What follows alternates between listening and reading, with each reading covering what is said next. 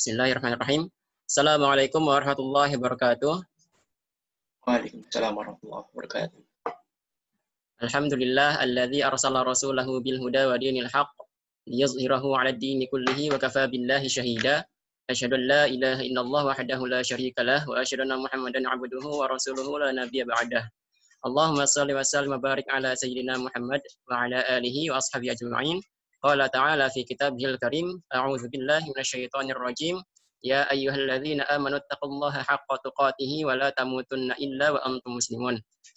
وقال تعالى يا أيها الناس اتقوا ربكم الذي خلقكم من نفس واحدة وخلق منها زوجها وبث منهما رجالا كثيرا ونساء واتقوا الله الذي تساءلون به والأرحم إن الله كان عليكم رقيبا. Yang pertama-tama dan yang paling utama, kita patut panjatkan puji syukur kita kehadiran Allah Subhanahu wa taala. Karena atas berkat rahmatnya lah sampai detik ini kita masih diberikan kenikmatan yang sangat luar biasa oleh Allah, utamanya nikmat iman dan Islam, nikmat umur dan kesehatan, dan nikmat-nikmat lainnya yang kita tidak akan pernah mampu menghitung seluruh nikmat yang ada di dunia ini yang telah Allah berikan kepada kita, walaupun kita menggunakan lautan sebagai tinta dan pepohonan sebagai penanya. Uh, tak lupa Salawat teriring salam kita haturkan kepada junjungan kita Nabi besar Muhammad Sallallahu Alaihi Wasallam beserta para keluarga dan para sahabat serta para pengikutnya yang setia hingga akhir zaman. Semoga kita tergolong umatnya yang senantiasa mengamalkan sunnah-sunnahnya dan mendapatkan syafaat darinya kelak. Amin ya robbal alamin. Uh, tak lupa saya ucapkan uh, saya selaku perwakilan dari teman-teman kajian pelepah kurma dan teman-teman ITJ Surabaya juga ITJ Malang mengucapkan terima kasih yang sebesar-besarnya wabil khusus kepada uh, Ustadz kita semua, Ustadz Ahmad Khalil Hasib yang telah uh, bersedia untuk meluangkan waktunya uh, berada di majelis ini untuk menyampaikan uh, daras kitab risalah untuk kaum muslimin dan tak lupa kepada teman-teman yang uh, di malam ahad ini menyempatkan waktunya untuk berada di majelis ilmu yang insya Allah senantiasa diberikan keberkahan oleh Allah. Uh, sebelumnya kita sudah membahas uh, Peranggan 31 di pertemuan sebelumnya membahas tentang uh, konsep pembangunan, kemajuan, dan perubahan. Yang kita sampai pada satu kesimpulan bahwasanya uh, tidak setiap perubahan itu akan memberikan arah kepada kemajuan. Di sisi lain, dalam pandangan alam Islam, uh, kemajuan yang dimaksud itu sudah memiliki tujuan yang sangat jelas, yaitu kita uh, sebagai seorang hamba sebagai seorang hamba Allah di sini untuk bertujuan mengelola apa yang telah Allah amanahkan kepada kita. Langsung saja tanpa ber, perlu berlama-lama lagi, uh, saya serahkan kepada Ustadz untuk menyampaikan uh, darasnya. Uh, Tafadhol Ustadz.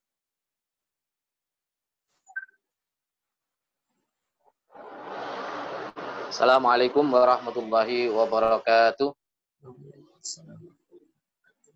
Bismillah walhamdulillah wassalatu wassalamu ala rasulillah wa ala alihi wa sahbihi wa man walah la hawla wa la quwata illa billah subhanaka la ilma lana illa ma 'allamtana innaka antal alimul hakim Rabbi israh li sadri wa yassir li amri wahlul 'uqdatam min lisani yafqahu qawli saddid lisani wahdi qalbi bihaqqi sayyidina Muhammadin sallallahu alaihi wasallam uh, bisa ditampilkan layarnya.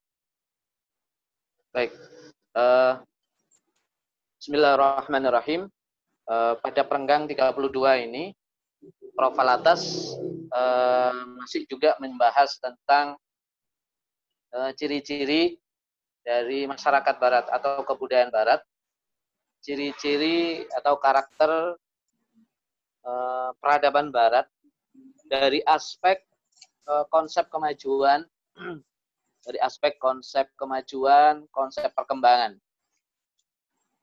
Uh, Prof. Alatas mengatakan sebelum menjelaskan lebih lanjut tentang uh, apa uh, masalah atau problem dari peradaban Barat itu, beliau menjelaskan bahwa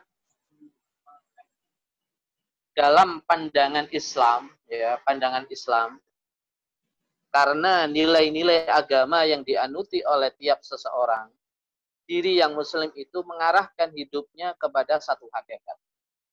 Nah, di sini setiap muslim mengarahkan eh, kehidupannya, mengarahkan hidupnya itu pada satu hakikat. Di sini Prof. Alatas menulis eh, satu hakikat itu dengan huruf besar ya. S-nya huruf besar, H-nya huruf besar. Satu hakikat. Ini sebetulnya merujuk kepada Allah Subhanahu wa taala.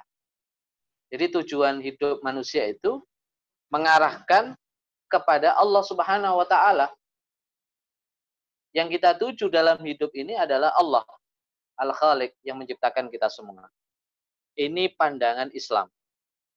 Maka segala faham perubahan, pembangunan dan perkembangan serta kemajuan semuanya bertumpu kepada hakikat eh, satu hakikat itu juga.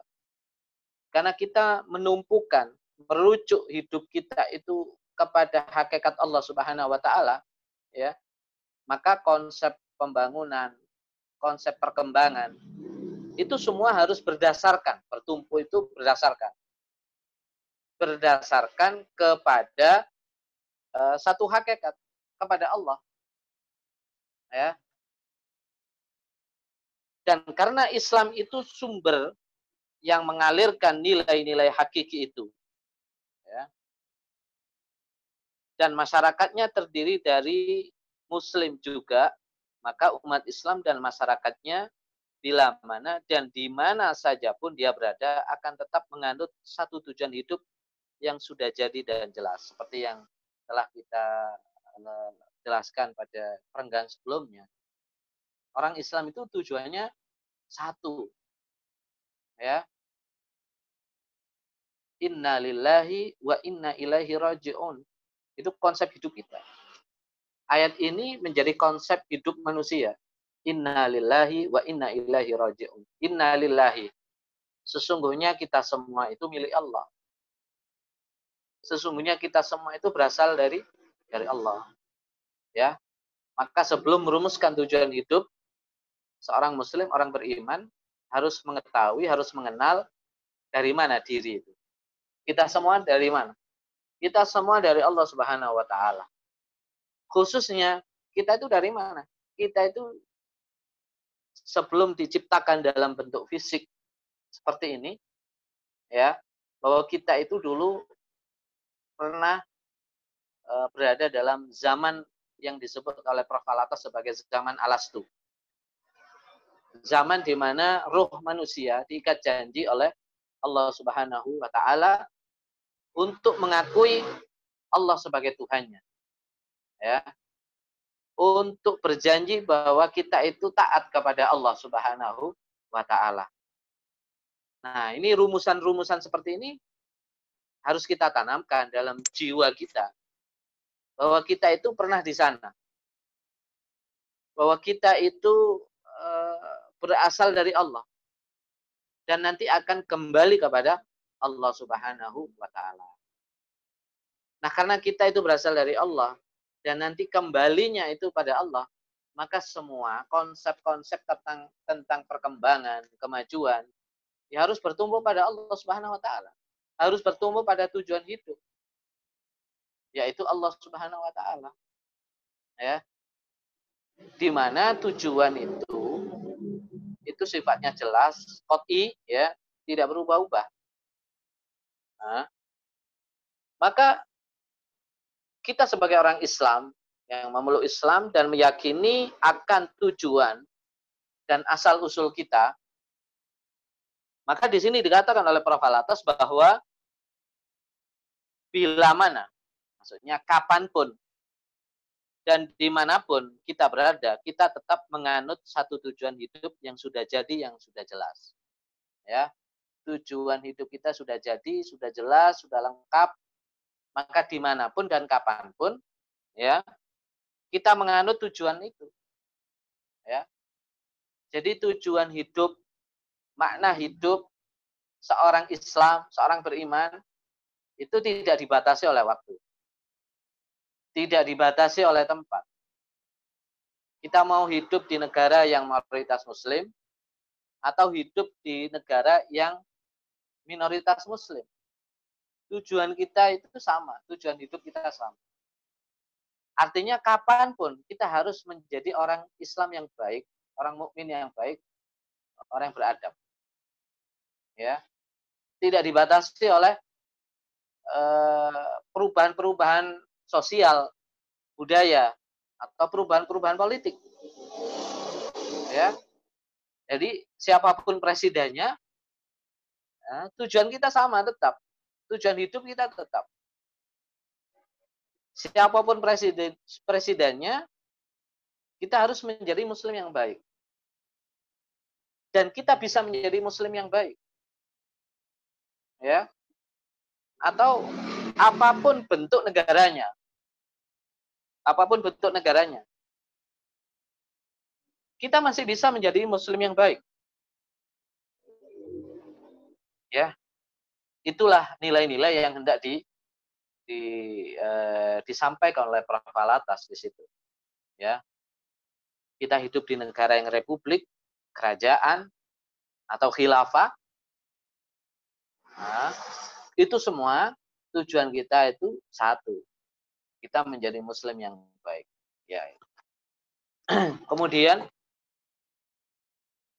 hakikat Islam itu tidak berubah. Al yauma akmaltu lakum dinakum wa asmamtu alaikum ni'mati waraditu lakumul Islam Medina. Ya. Hakikat Islam itu tetap tidak berubah atau menumpuh perubahan. Meskipun kenyataannya hakikat itu yang merupakan hasil renungan nazar akal insan yang berubah dan dirubah dari masa ke masa menuturi pencapaian derajat kepahaman.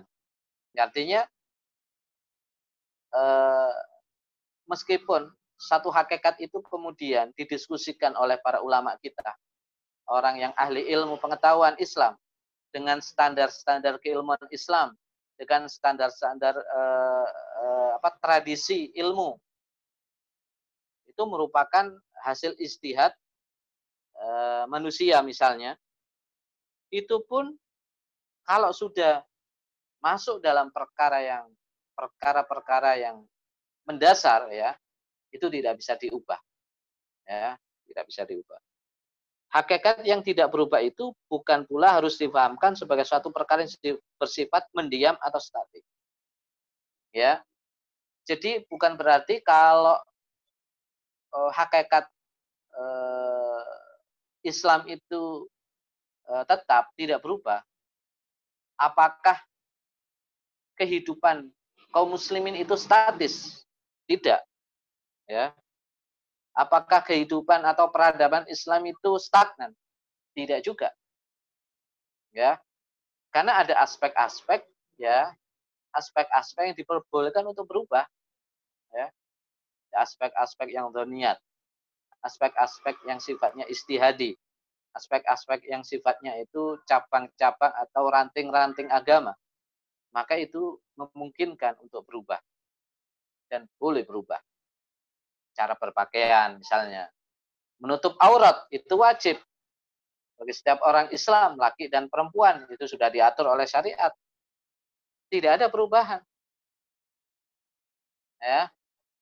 Tapi kemudian warna kain, bentuk kain ya, itu yang bisa berbeda.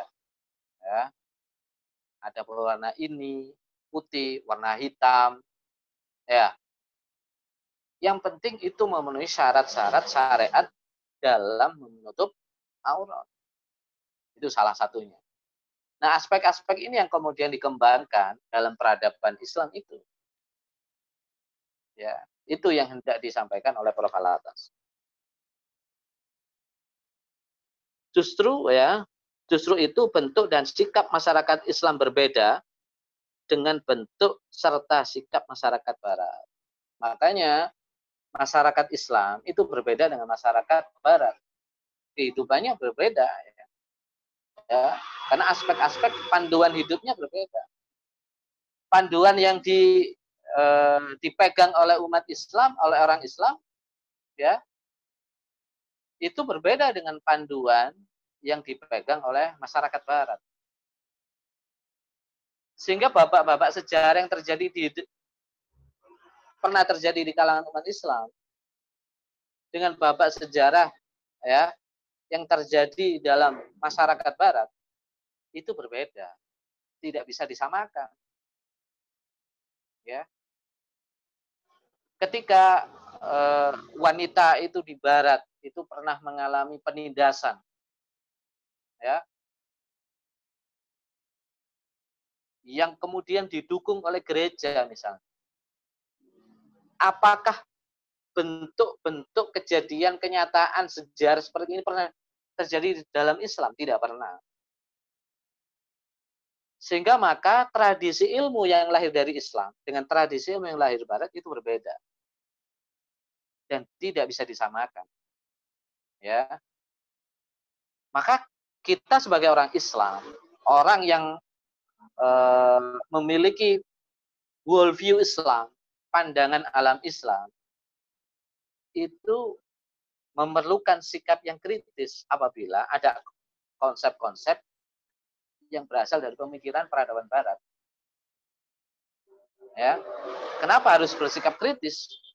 Karena latar belakang yang eh, melahirkan satu konsep pemikiran itu berbeda antara barat dengan Islam. Perbedaannya itu pada aspek-aspek yang sangat mendasar. Sehingga tidak bisa disamakan antara barat dengan Islam. Ya. Ada aspek-aspek sama tapi ketika ada konsep-konsep ilmu, teori-teori ilmu, apalagi falsafah, filsafat ilmu barat, kemudian kita baca, kita masuk dalam dunia Islam, maka harus di, dibaca dengan kritis. Tidak taken for, for granted. Tidak asal ngambil saja. Lihat dulu, latar belakangnya sama apa tidak kita. Maka standar yang digunakan oleh Barat tidak serta merta bisa digunakan dalam dalam untuk standar yang berlaku dalam umat Islam. Tidak seperti itu. Ya.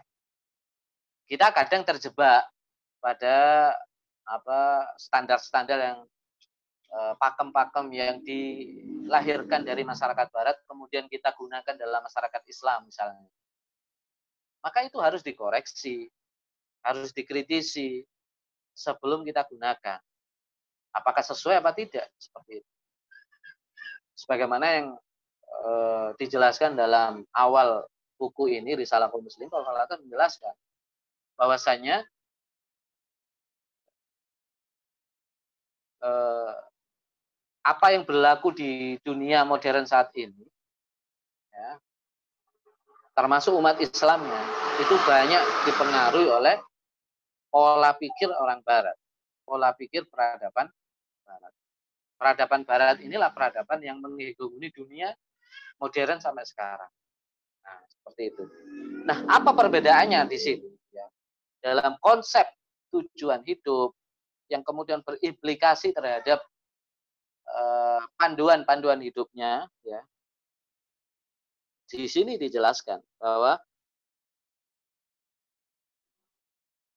kebudayaan barat itu senantiasa liar, senantiasa berubah, senantiasa menjadi seperti yang telah diterangkan tadi ya, seperti yang sudah dijelaskan pada perenggan 31.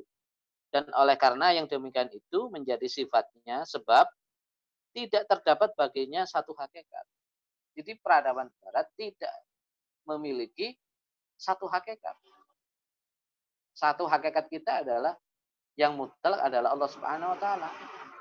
Nah, karena peradaban barat ini sekuler, peradaban yang membuang Tuhan dalam kehidupan manusia, nilai-nilai ketuhanan dalam uh, kehidupan manusia, maka peradaban barat kehilangan orientasi. Kehilangan orientasi hidupnya seperti itu. Jadi mereka akhirnya tidak memiliki panduan hidup yang tetap. Lalu bagaimana panduan hidupnya? Panduan hidupnya itulah yang kemudian dicari-cari oleh masyarakat barat. Seperti misalnya, dalam masyarakat barat, jelaskan, ya, eh, ada kelompok yang dinamakan kelompok belia. Belia itu maksudnya kelompok muda. Dibagi menjadi tiga manusia itu menurut pandangan barat. Satu, ya kelompok manusia berusia muda. Dua, kelompok manusia yang setengah umur. Tiga, kelompok manusia tua yang berumur tua. Dan masing-masing ini memiliki tujuan hidup yang berbeda-beda. Ya, antara golongan muda dengan golongan tua. Itu tidak ada kesamaan tujuan hidup. Maka ini disebut generation gap. Ada gap generasi. Ya, itu salah satu problem dari peradaban barat adalah generation gap. Ada gap antar generasi, generasi mudanya dengan generasi tuanya masing-masing generasi ini itu mencari makna dan tujuan hidupnya. Generasi muda mencari uh, makna dan tujuan hidup. Generasi setengah umur mencari makna dan tujuan hidup. Begitu pula generasi tuanya itu mencari-cari dan tidak ada kesamaan di antara mereka. Ya. Eh, slide selanjutnya. Masing-masing golongan ya halaman berikutnya ya. Masing-masing golongan yang berpisah yang merupakan masyarakat barat di bawahnya. Terus nah, masing-masing golongan yang berpisah yang merupakan masyarakat barat berkisah berkisar dalam keadaan mencari mana dan kehidupannya masing-masing golongan dari abad datang kepada zaman menyoal dirinya. Aku ini siapa? Jadi mereka itu tidak mengenal dirinya sendiri. Sebelumnya ini, sebelum. Yang kedua, yang kedua. Slide kedua. Di atasnya. Di atasnya. Terus ke atas. Ke atas.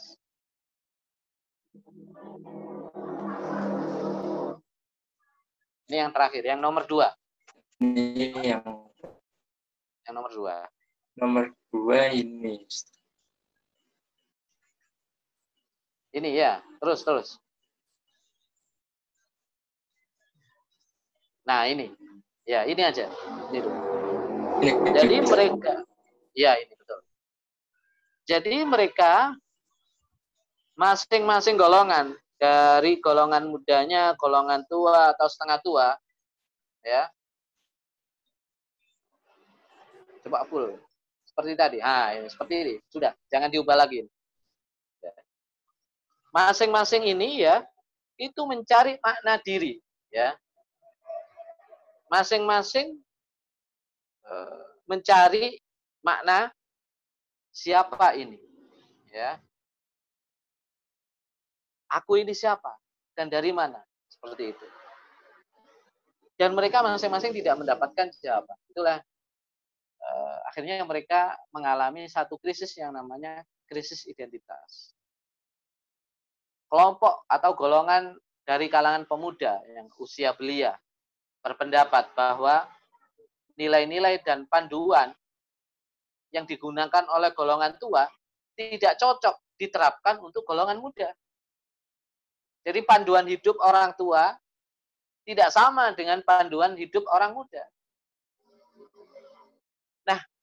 Golongan muda ini kemudian setelah mereka itu mencapai usia setengah umur atau usia tua, ya mereka punya anak kemudian. Itu juga mencari. Mereka merasa bahwa apa yang dialami, apa yang mereka yakini ketika masa muda, tidak bisa mereka terapkan di masa tua seperti itu. Sehingga di masa tua mereka mencari lagi seperti itu. Orang tua mencari lagi makna diri, makna hidup. Ya. Dan mereka punya anak punya anak yang usianya muda. Punya anak usia muda. Antara orang tua dengan antara orang tua dengan anaknya yang berusia muda ini tidak nyambung akhirnya. Tidak ada kesamaan tujuan hidup dan makna diri apa yang kemudian dilakukan oleh orang tua?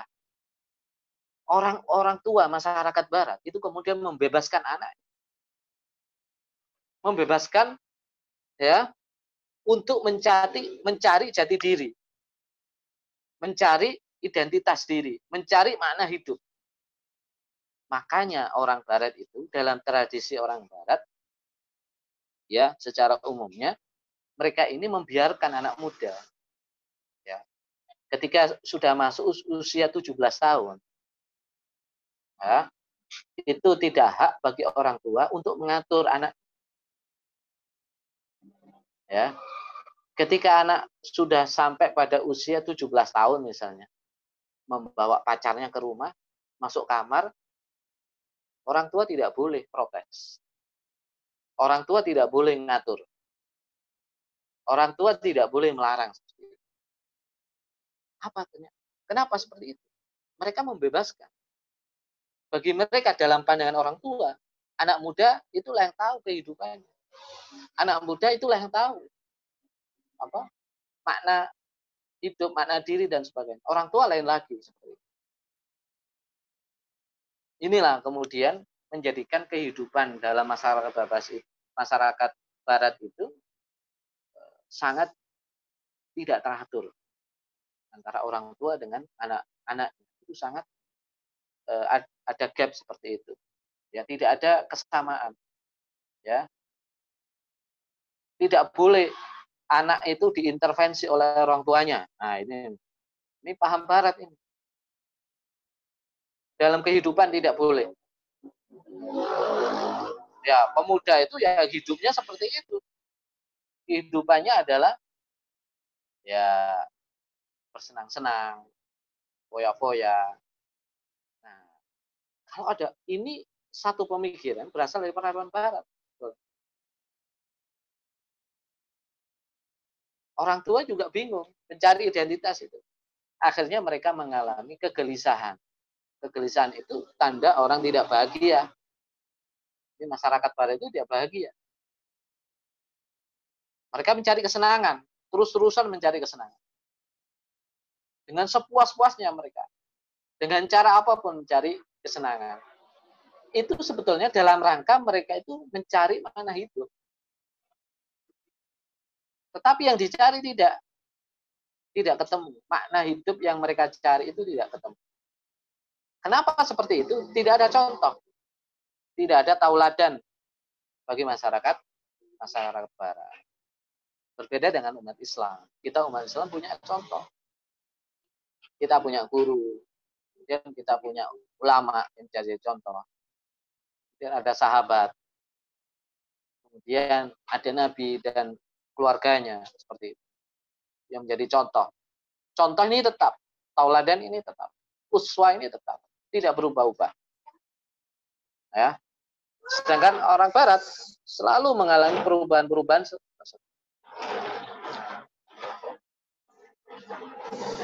kemudian selanjutnya slide yang terakhir yang ketiga.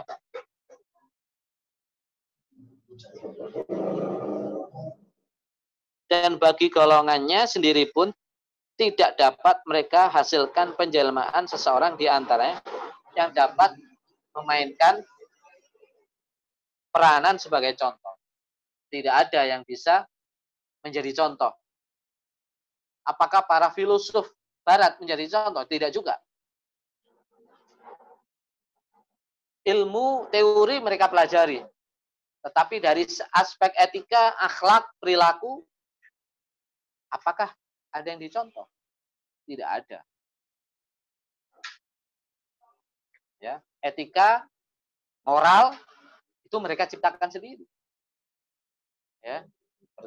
Karena tidak ada contoh, maka apa yang kemudian dilakukan oleh masyarakat barat?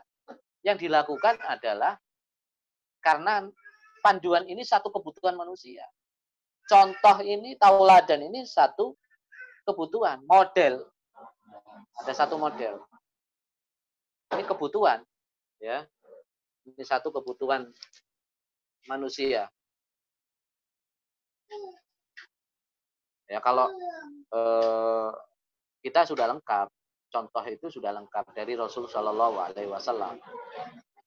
Ya. Contoh ini bagaimana Rasulullah makan, Rasulullah berjalan, Rasulullah itu berbicara. bagaimana Rasulullah itu beribadah, diteruskan oleh para sahabatnya, sampai kepada kita. Itu semua kita menjadi panduan.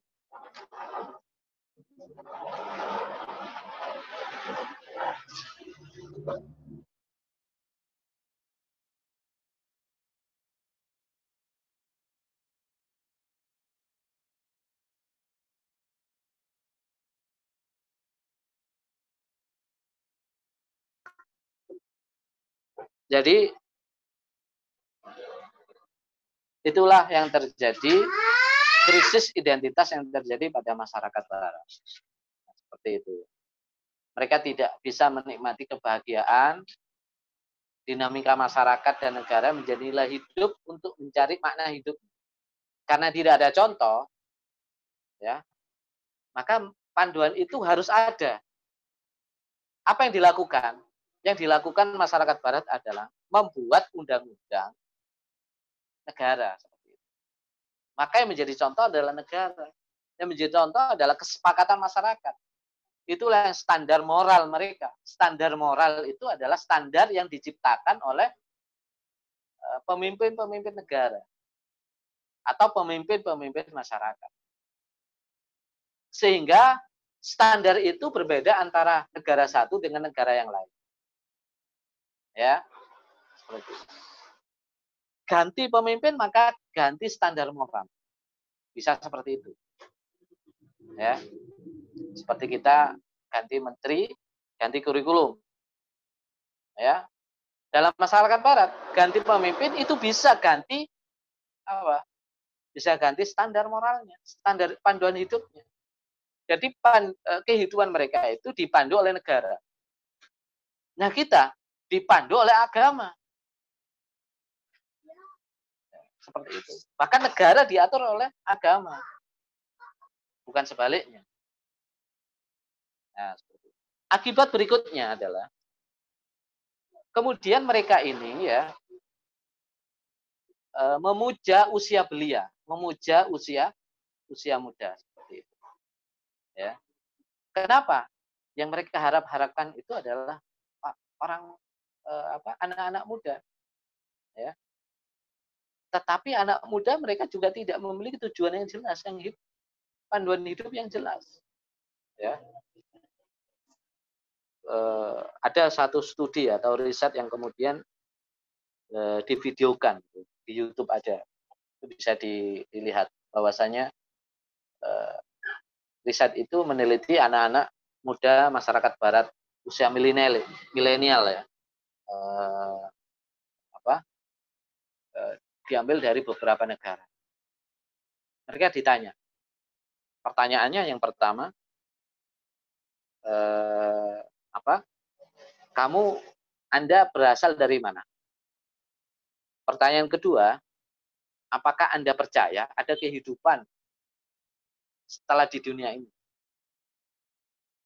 Hampir 100 persen, artinya 90 persen lebih dalam riset itu dikatakan bahwa anak-anak muda masyarakat ini yang risetnya di Eropa, berbagai negara di Eropa, anak-anak muda milenial, ya, mereka itu tidak punya tujuan yang jelas dalam kehidupannya.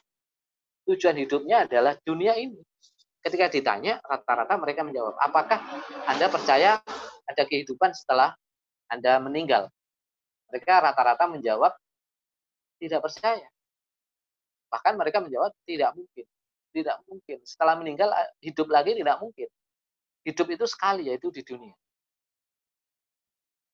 Dan kehidupannya mereka itu kehidupan yang tidak diatur oleh agama mereka. Kehidupan yang tidak diatur oleh eh, gereja mereka. Nah, seperti itu. Sedangkan di eh, kalangan orang tua masyarakat barat, mereka ini adalah mereka gelisah, galau. Ya.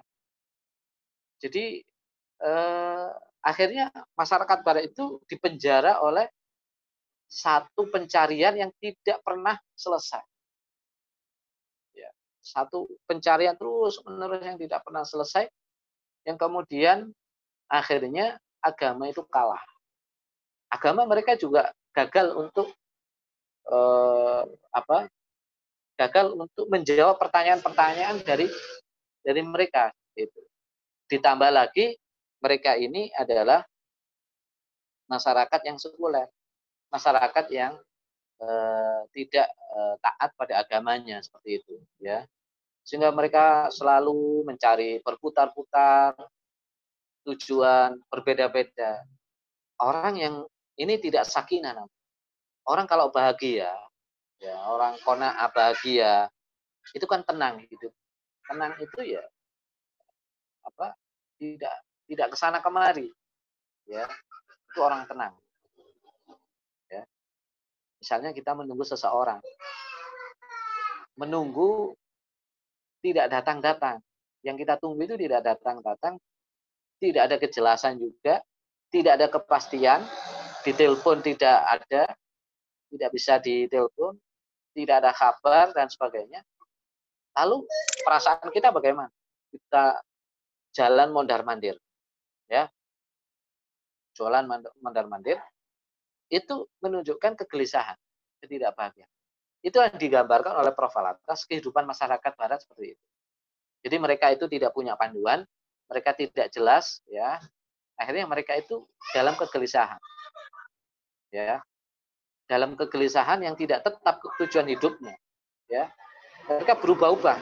Nah, berubah-ubahnya itu panduan itu menunjukkan bahwa mereka itu tidak bahagia. Mereka dalam kondisi tidak bahagia seperti itu. Nah, eh, bagaimana dengan dengan Islam seperti itu?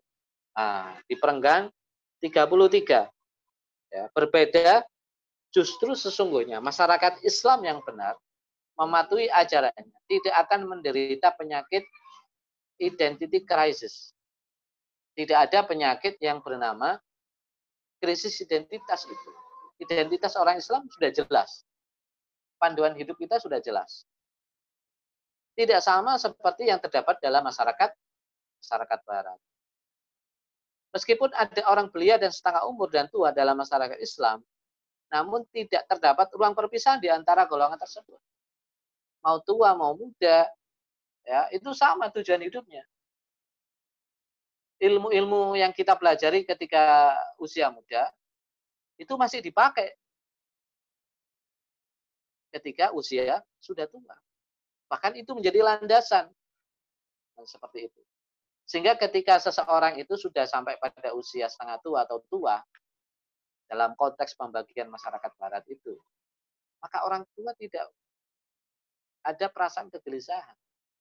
Ya, seperti itu. Orang kalau sudah menemukan tujuan, itu kan tenang seperti itu. Ya, seperti itu. Ya, seperti orang mau menikah lah.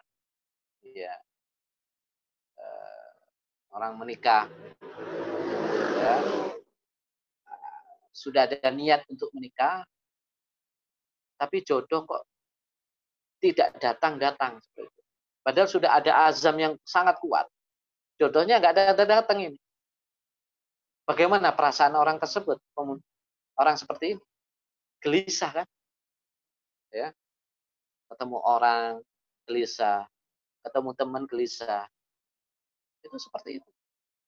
Tapi berbeda kalau misalnya kita sudah punya azam, punya tujuan, dan tujuan itu ada di depan kita bersama kita. Sudah jelas. Kita menikah misalnya. Ya. Laki-laki menikah dengan seorang perempuan perempuannya sudah jelas seperti itu. Ini apa yang dia cari itu sudah sudah didapatkan. Ini gelisah nggak? Tidak gelisah. Ya. Bahagia. bahagia. Tanda seseorang bahagia itu sakit, tenang, hatinya tenang. Tidak mondar ke sana kemari seperti itu. Ya. Itulah gambaran orang Islam. Ya. Baik orang tua atau yang setengah tua atau muda itu sama. Maka yang setengah umur menurunkan kepada para belia, anak-anak muda maksudnya, ajaran-ajaran nilai-nilai hakiki agama Islam. Orang tua mengajarkan ajaran-ajaran Islam sama. Ya. Ajaran Islamnya orang anak muda dengan ajaran Islamnya orang tua sama.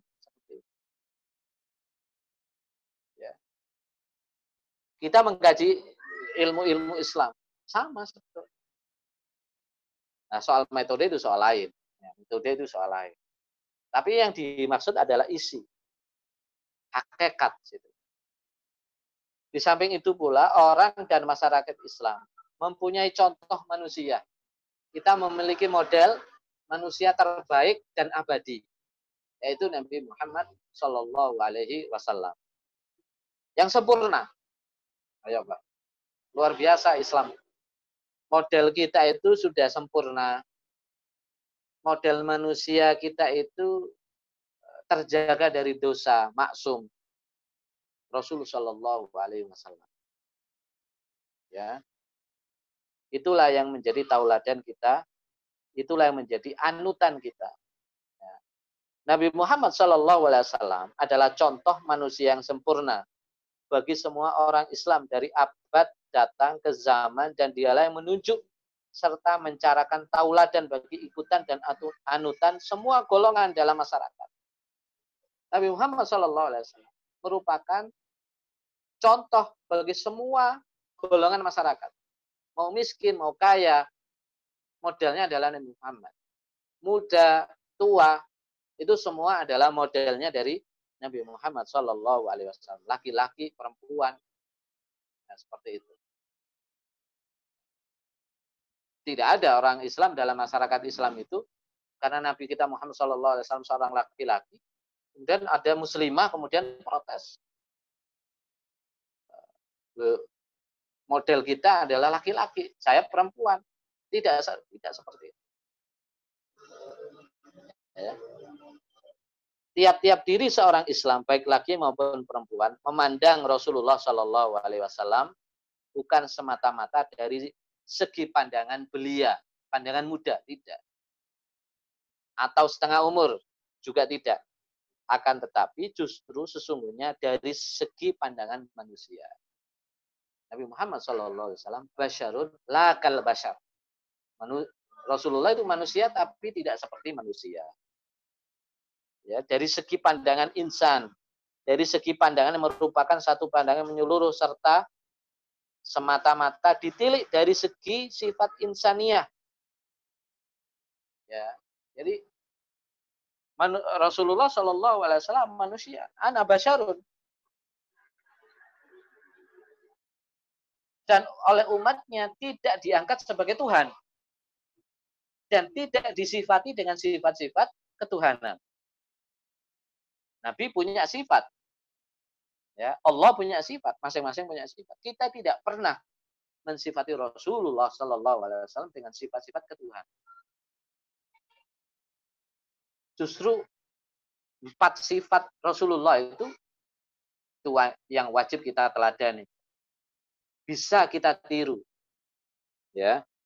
Berbeda dengan eh, orang Kristen. Orang Kristen itu sudah terlanjur mengangkat nabinya itu sebagai Tuhan.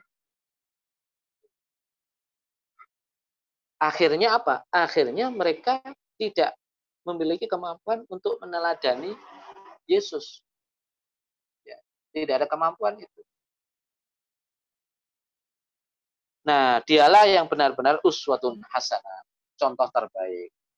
Nah, di sini ada satu ada satu kitab penting yang ditulis oleh eh, Imam Qadiyat.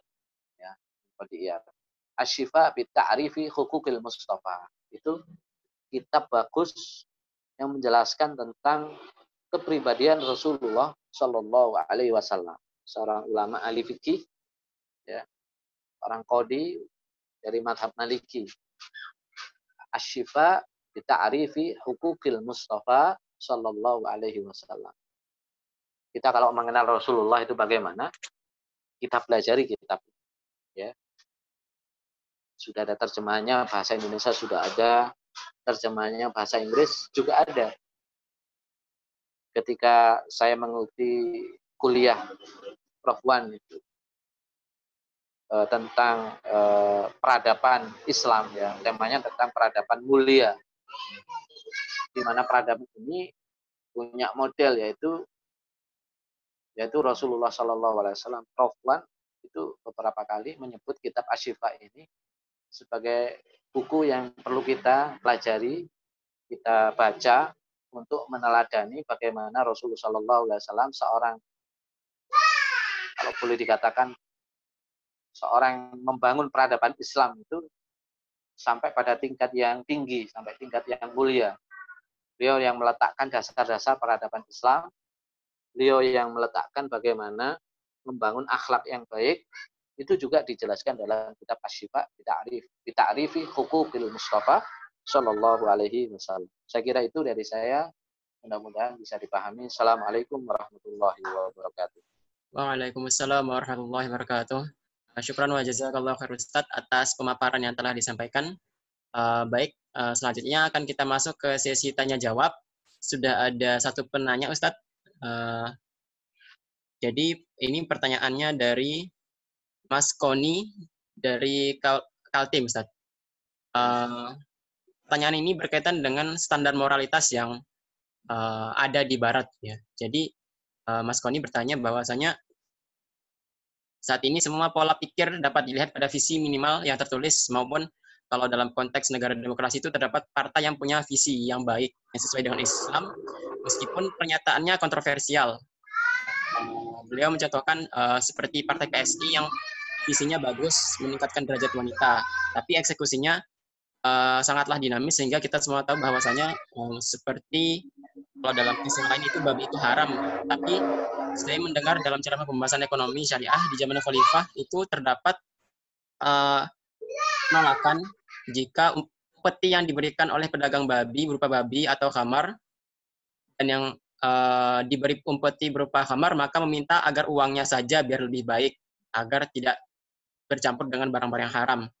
Nah, uh, dikarenakan hal-hal yang demikian, bagaimana kita mensikapnya, Ustaz? Uh, Tafadhol Ustaz dijawab pertanyaannya. Pertanyaannya apa ya? Panjang sekali itu. Ini intinya pertanyaannya bagaimana terkait eksekusi yang variatif. Nah, maksudnya eksekusi yang dengan dinamika seperti itu tadi Ustaz. Uh, soal standar Diskusi moralitas variatif itu apa ya? Yang tidak uh, konsisten dengan apa standar yang sudah digunakan. Uh, pertanyaannya menyikapi iya Ustaz. Ya kita itu begini ya. Uh, uh, apa tadi bahasanya panjang sekali. Uh, saya belum begitu memahami maksud uh, dari si penanya ini apa sebetulnya. Tetapi begini yang saya tangkap begini, uh, kita itu khususnya generasi kita ya generasi generasi muda Islam ya. Kita mempelajari teori-teori yang moral misalnya dari peradaban Barat tetapi kita belum kenal sebetulnya bagaimana etika yang ada dalam tradisi Islam seperti itu. Ya. Itu banyak sekali konsep-konsep etika dalam Islam sangat banyak. Dari Imam Al-Ghazali saja itu sudah sudah luar biasa ya. Kemudian dari eh, apa Miskawe, kemudian eh, ulama-ulama yang lain ya, ulama khususnya ulama-ulama tasawuf. Kita mungkin mempelajari setengahnya, itu pun kita tidak eh, apa mempraktekannya seperti itu. Ya sebetulnya krisis yang dialami kita umat Islam itu sebetulnya krisis etika sebetulnya juga. Ya, kita tidak banyak kenal dengan konsep-konsep etika atau yang konsep etika Islam ya akhlak dan adab itu. Ada akhlak dohir, ada akhlak batin. Ya, ada batin seperti itu. Itu tidak banyak kenal di kalangan salah, satu contoh misalnya kita Imam Al-Ghazali Raudatul Talibin wa Umdatus Salikin. Itu luar biasa kalau kita pelajari itu sebagai satu konsep etika untuk hmm, apa ya untuk kita aplikasikan dalam kehidupan sehari-hari kita, termasuk dalam kehidupan negara kita. Ya, itu sangat sangat bagus kita eh, apa, eh, apa kita aplikasikan dalam kehidupan kita. Banyak hal-hal problem-problem yang kita hadapi pada zaman modern ini itu kita bisa ya kita bisa e, cari solusinya dengan mempelajari konsep-konsep etika Islam dari para ulama-ulama kita seperti itu. Ya, problem-problem feminis, problem-problem e, demokrasi kita, problem-problem konsep-konsep kenegaraan kita. Itu kalau kita kembali pada konsep akhlak adab Islam, konsep etika itu luar biasa ya. Di satu kampus besar di Indonesia di Jakarta itu ini salah satu contoh misalnya itu sedang mengembangkan satu konsep e, bentuk administrasi atau manajemen yang berbasis etika spiritual. Ini baru. Jadi mereka akhirnya kembali ke sini. Ketika mereka menemukan banyak persoalan-persoalan di kalangan para pejabat di kalangan para pelaku-pelaku bisnis ya mereka sama sekali tidak mendapatkan jawaban konsep apa sebetulnya. Mereka kemudian mencari menggali konsep-konsep etika spiritual yang tidak lain itu konsepnya sudah lengkap ada dalam tradisi para ulama-ulama tasawuf kita. Nah ini yang sedang dikembangkan di salah satu kampus kampus besar ya di di Jakarta seperti ya kampus kampus terkenal ya dan ini untuk menghasilkan eh, pegawai-pegawai, pejabat-pejabat, atau manajer-manajer baik di swasta atau pemerintahan itu yang bisa eh, bisa menyelesaikan persoalan-persoalan yang sekarang mereka hadapi oleh korupsinya, ketidakjujurannya dan sebagainya. Semua itu kembali pada konsep-konsep etika. Nah, apa yang terjadi dalam masyarakat barat itu adalah konsep etika yang yang berubah-ubah tidak tetap. Ya, etika itu apa? Etika itu yang dipandu oleh kesepakatan mereka masyarakat, kemudian diatur oleh negara. Ya, Sehingga kita akan melihat begitu banyak perbedaan-perbedaan antara satu negara dengan negara yang lain. Ya, ya salah satu contoh misalnya kadang ya ada satu masyarakat di barat itu secara dohir mungkin bagus. Secara dohir bagus. Mereka hidupnya itu bersih hidupnya itu disiplin peduli pada orang yang orang yang tidak mampu misalnya. Peduli pada orang fakir miskin. Orang yang meminta-minta ya. Mungkin kita kepeduliannya kalah dengan mereka. Itu satu konsep satu satu aspek. Tetapi apakah di aspek yang lain mereka juga mampu melakukan etika yang baik? Belum tentu. Ya, setelah mereka berbuat baik pada sesama, fakir miskin, orang tidak mampu, peduli, ya, memiliki simpati yang tinggi terhadap orang yang tidak mampu. Tetapi kemudian mereka hidupnya apa? Kawin sejenis, berzina, kumpul kebu, buka aurat, dan seterusnya.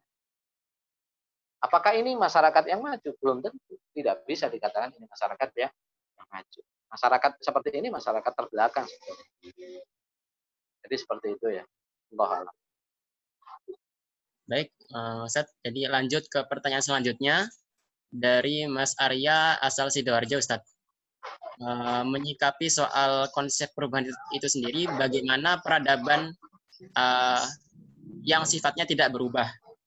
Uh, sedangkan kita sebagai manusia juga memiliki usaha untuk memper memperbaiki nasib kehidupannya, mulai dari mengembangkan teknologi, memecahkan persoalan kehidupan, dan setiap ada usaha itu pasti ada efek atau perubah perubahan yang signifikan.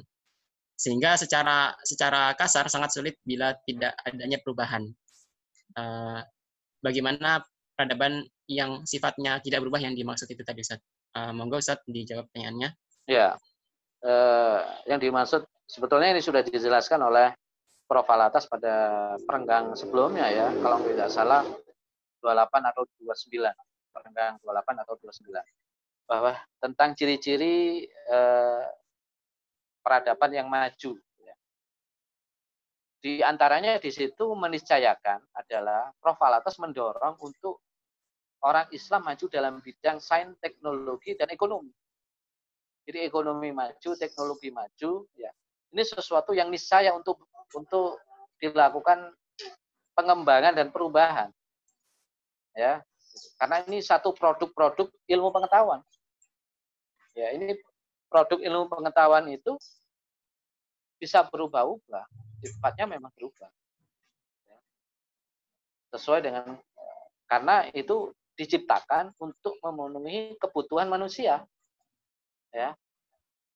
Sebagai bekal manusia untuk hidup di dunia seperti itu. Nah, kebutuhan manusia itu apa? Nah, ini maksudnya kebutuhan-kebutuhan yang sifatnya jasmania, bukan zahiri, bukan batinia. Kebutuhan sifatnya jasmania itu selalu berubah-ubah. Sehingga meniscayakan itu.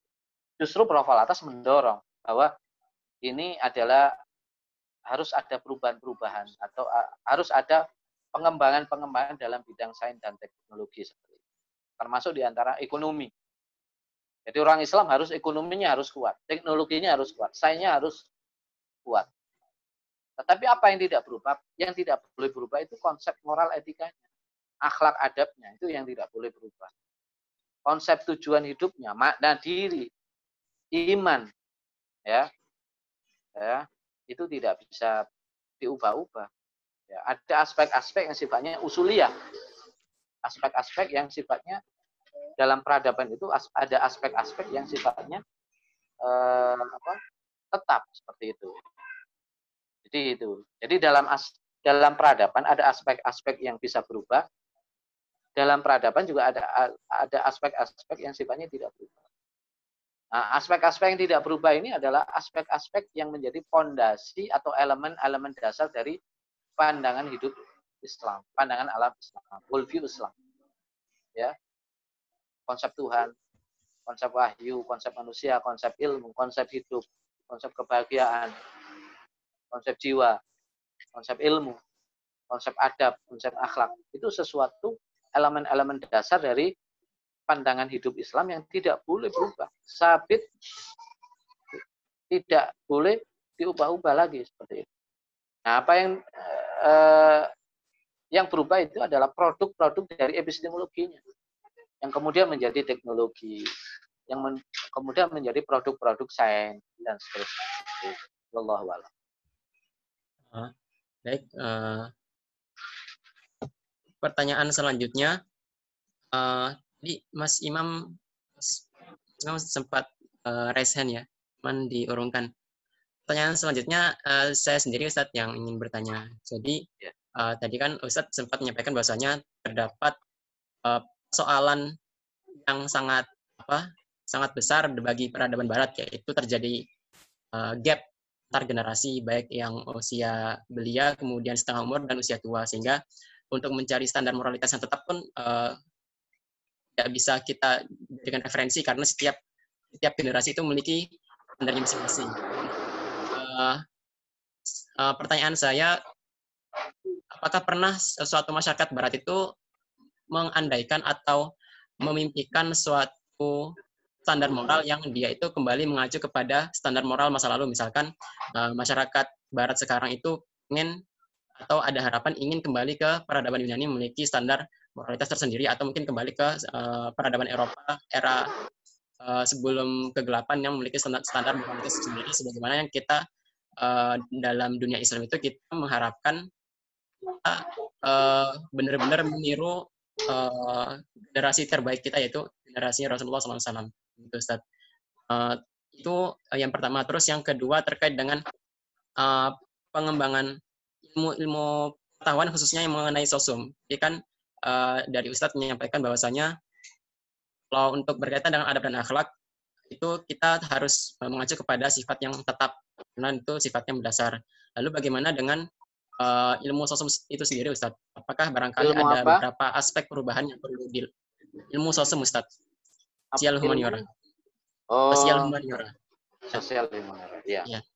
Uh, dan kita tahu sendiri bahwasanya ilmu sosial humaniora kan itu berkaitan sangat berkaitan dengan uh, kehidupan masyarakat. Nah, dari ilmu tersebut apakah uh, terdapat beberapa aspek penting yang bisa diubah uh, sehingga kita bisa melakukan perkembangan ilmu pengetahuan khususnya mengenai sosum itu Ustaz. Ya. Yang pertama, eh, peradaban barat itu atau masyarakat barat tidak sama dengan eh, apa yang dibayangkan oleh orang Islam. Ya. Apa yang dibayangkan oleh orang beriman itu tidak sama dengan apa yang dibayangkan atau dipikirkan oleh masyarakat barat. Jadi salah satu keniscayaan hal yang tetap bagi masyarakat barat itu adalah perubahan itu sebuah keniscayaan bagi masyarakat peradaban barat itu adalah perubahan dalam aspek-aspek yang sangat fundamental. Sehingga mereka tidak eh, mereka tetap meskipun mereka mengambil pendapat-pendapat ya dari konsep-konsep etika Plato, Aristoteles, konsep-konsep kebahagiaan dari Plato, dari konsep politik dan sebagainya.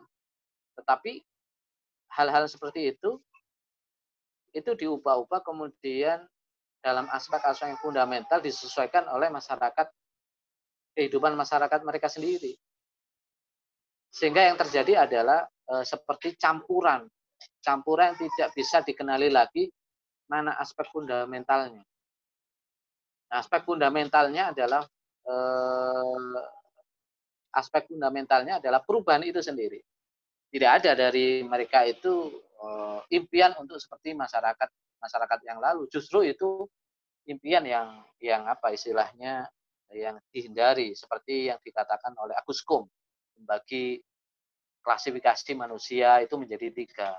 Ya, kalau masyarakat eh, lama, lampau itu masyarakat yang primitif tidak kenal eh, masyarakat masyarakat yang taat pada Tuhan. Ya, masyarakat yang sangat taat kepada Tuhan itu adalah masyarakat yang primitif, masyarakat kuno. Ya. Kemudian tingkat kedua adalah masyarakat yang spiritual.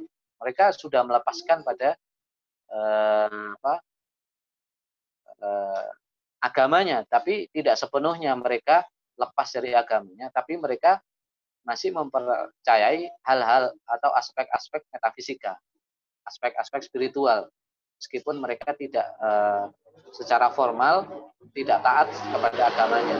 Nah, kemudian masyarakat paling maju adalah masyarakat modern di mana masyarakat yang masyarakat ilmiah itu masyarakat yang membuang aspek-aspek lama terutama membuang agamanya seperti itu. Ya, Puskom ini sekularisasinya sangat luar biasa. Jadi menganggap bahwa masyarakat orang beragama itu masyarakat kuno, masyarakat masa lampau itu masyarakat taat beragama. Itulah yang kemudian dihindari oleh orang barat seperti itu. Berbeda dengan Islam. Islam itu karena kita eh, apa berpandangan bahwa satu peradaban maju itu peradaban yang etikanya luar biasa tinggi.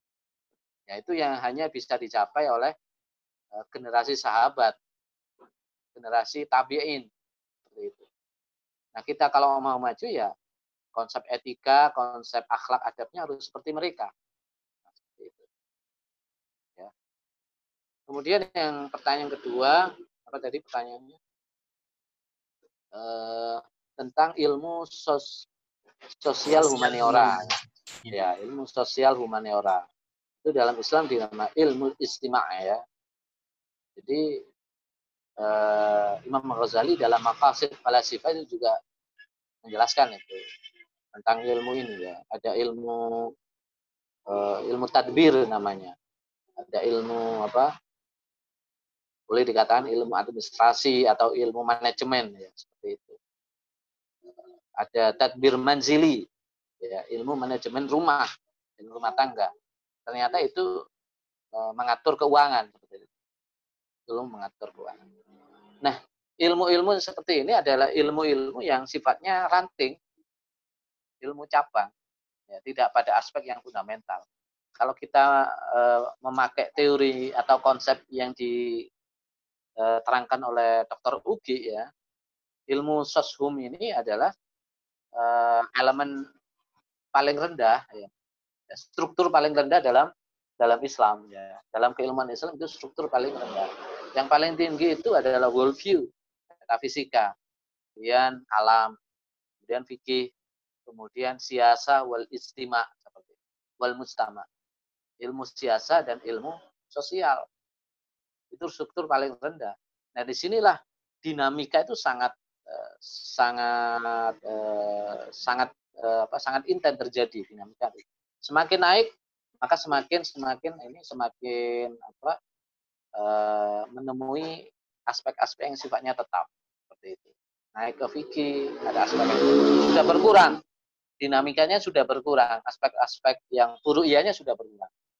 Naik ke kalam masih ada buruk tapi tidak sebanyak ilmu siasa atau ilmu fikih kemudian worldview itu sudah semua sepakat sama usul elemen-elemen dasarnya itu usul. Nah, membangun peradaban Islam itu itu dari struktur ini. Dari struktur yang paling tinggi sampai struktur yang paling paling rendah itu dibangun semua, itu membangun peradaban Islam. Ya, seperti itu. Allah a'lam. Pertanyaan terakhir ya. Iya, iya Ustaz. Pertanyaan terakhir Ustaz uh, dari Mas Imam. Uh, apakah permasalahan generation gap ini adalah apa yang kemudian diartikan oleh bangsa Barat sebagai quarter life crisis, Ustadz? Jika iya, uh, mohon oh, diberikan penjel uh, quarter life crisis itu kayak seseorang yang memiliki yang telah berusia 20 tahun ke atas itu ternyata memiliki uh, kebingungan dalam dalam mencari tujuan hidup, hidupnya seperti itu, Ustaz. Hmm, iya. Yeah. Ya.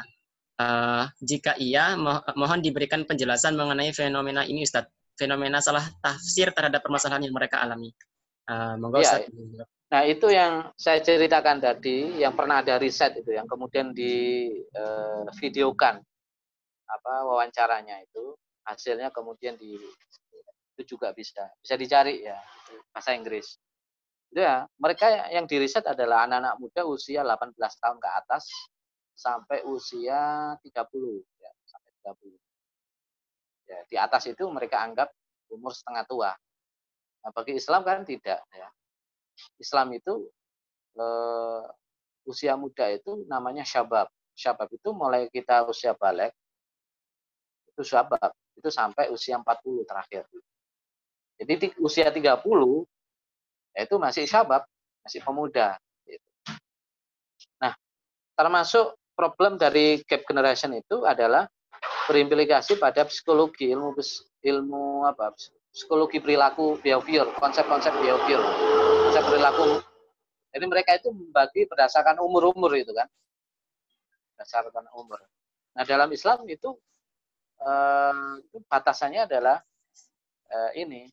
Ketika orang sudah balik maka dia sudah mendapatkan taklif dan dianggap sudah dewasa. Dan harus dewasa seperti itu. Perilakunya harus dewasa dia harus e, mendapatkan ilmu-ilmu yang mempelajari, dia harus tahu ilmu-ilmu yang wajib. Seperti itu. Nah, e, apa yang terjadi fenomena di masyarakat barat yang seperti ditanyakan Imam tadi itu, seperti yang dalam riset tadi itu mereka kebingungan. Ya. Mereka kebingungan e, mencari identitas. Ya. Identitas seperti itu. Jadi sebetulnya masyarakat Barat itu sangat rapuh. Rapuh tidak kuat masyarakat Barat dalam aspek hidup. Dalam aspek hidup. Atau boleh dikatakan masyarakat sekuler, tidak hanya Barat. Masyarakat yang dipengaruhi oleh pandangan hidup Barat. Ya. Barat atau Timur, kalau sudah dipengaruhi peradaban Barat seperti yang dijelaskan oleh Prof. Alakas ini, ya mereka disebut masyarakat Barat yang cirinya adalah sekularisasi, sekuler. Seperti itu. Jadi untuk eh, sebetulnya ya banyak banyak di antara mereka itu yang kemudian eh, mengenal Islam ya, kemudian memeluk Islam. Ada juga riset di Amerika ya, Amerika Latin. Mereka meneliti eh, orang-orang ya, anak-anak muda yang masuk Islam. Jadi penduduk asli bukan imigran, bukan dari Arab atau Afrika, yang imigran ke Amerika Selatan di beberapa negara itu satu riset riset di beberapa negara Amerika Latin ternyata memang dakwah kita itu memang dakwah kita sangat kurang terhadap mereka. Mereka ini menemukan Islam itu melalui media-media YouTube, media online, ya. Artinya mereka itu mandiri, ya. Mereka mencari sendiri, tidak seperti itu. Tidak punya guru, kemudian mereka didakwai oleh guru, kemudian masuk Islam, tidak. Ya, ada ada satu riset seperti itu, mereka ternyata eh, ada mereka membaca konten-konten Islam di YouTube, kemudian mereka pelajari, ya, ada di antara mereka itu berangkat dari satu satu tugas kuliah. Ada satu seorang mahasiswi di eh, di mana? Di Chile kalau salah. Itu ada tugas dari dosennya meneliti tentang konsep etika Islam. Etika dalam masyarakat Islam. Mereka melakukan penelitian wawancara secara virtual. Wawancara ya eh, lewat online masyarakat Islam. Dari situlah mereka eh, tertarik dari hasil kesimpulan-kesimpulan temuan-temuan risetnya itu ditulis dalam paper ternyata mereka dia tertarik untuk memeluk Islam. Jadi banyak hal yang sebetulnya pekerjaan rumah umat Islam sebetulnya banyak sekali dalam aspek dakwah ini. Mungkin generasi yang seperti ini tidak banyak kita kenal. Ya. Ada di antara mereka itu generasi mudanya itu sangat ekstrim, artinya sudah betul-betul sekuler, artinya kalau sudah dengar agama sama sekali tidak mau. Tapi ada generasi di antara mereka itu kelompok-kelompok yang masih masih terbuka masih membuka diri untuk diskusi untuk berpikir nah generasi-generasi seperti ini yang eh, sangat eh, apa sangat mudah untuk didakwai tetapi dalam riset tadi sayangnya tidak banyak di kalangan orang Islam yang terjun di dunia seperti ini. Boro-boro terjun ke dunia ini sesama orang Islam cakar-cakaran. Sama orang umat Islam kita saling apa e, berdebat seperti itu. Ada ada aspek-aspek mereka aspek-aspek dalam kehidupan masyarakat barat itu yang memerlukan dakwah kita. Ya memang kita tidak tidak banyak ekspansi ke arah sana dan kita tidak tahu. Ya, Allahu a'lam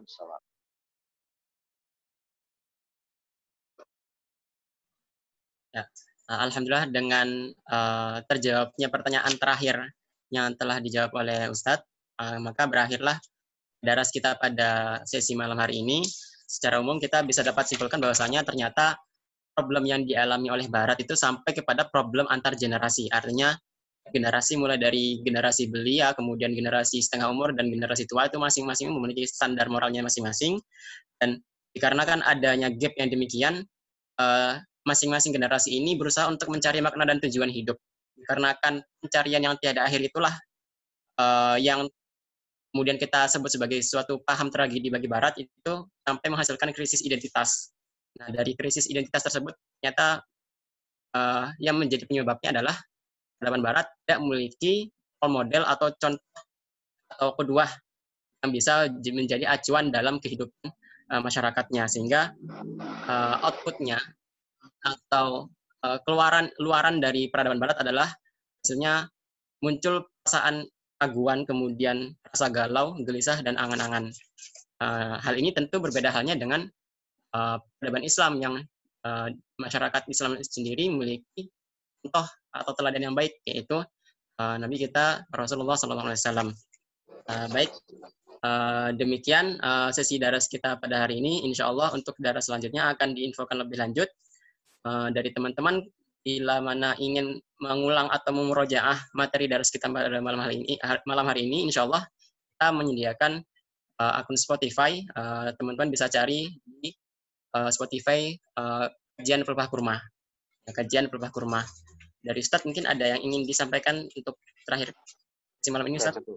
Ya, cukup. Cukup Ustadz. Ya. Uh, baik, terima kasih. Uh, sebelum kita akhiri, mari kita sama-sama melafazkan hamdalah. Alhamdulillahirrahmanirrahim. Alhamdulillahirrahmanirrahim. Uh, istighfar sebanyak-banyaknya. Astagfirullah. disempurnakan dengan doa kafaratul majelis. Subhanakallahumma bihamdika asyhadu an la ilaha illa anta astaghfiruka Ya. Ihdinas siratal mustaqim akhirul kalam. Assalamualaikum warahmatullahi wabarakatuh. Waalaikumsalam warahmatullahi wabarakatuh. Jazakallah khair Ustaz. Sama-sama.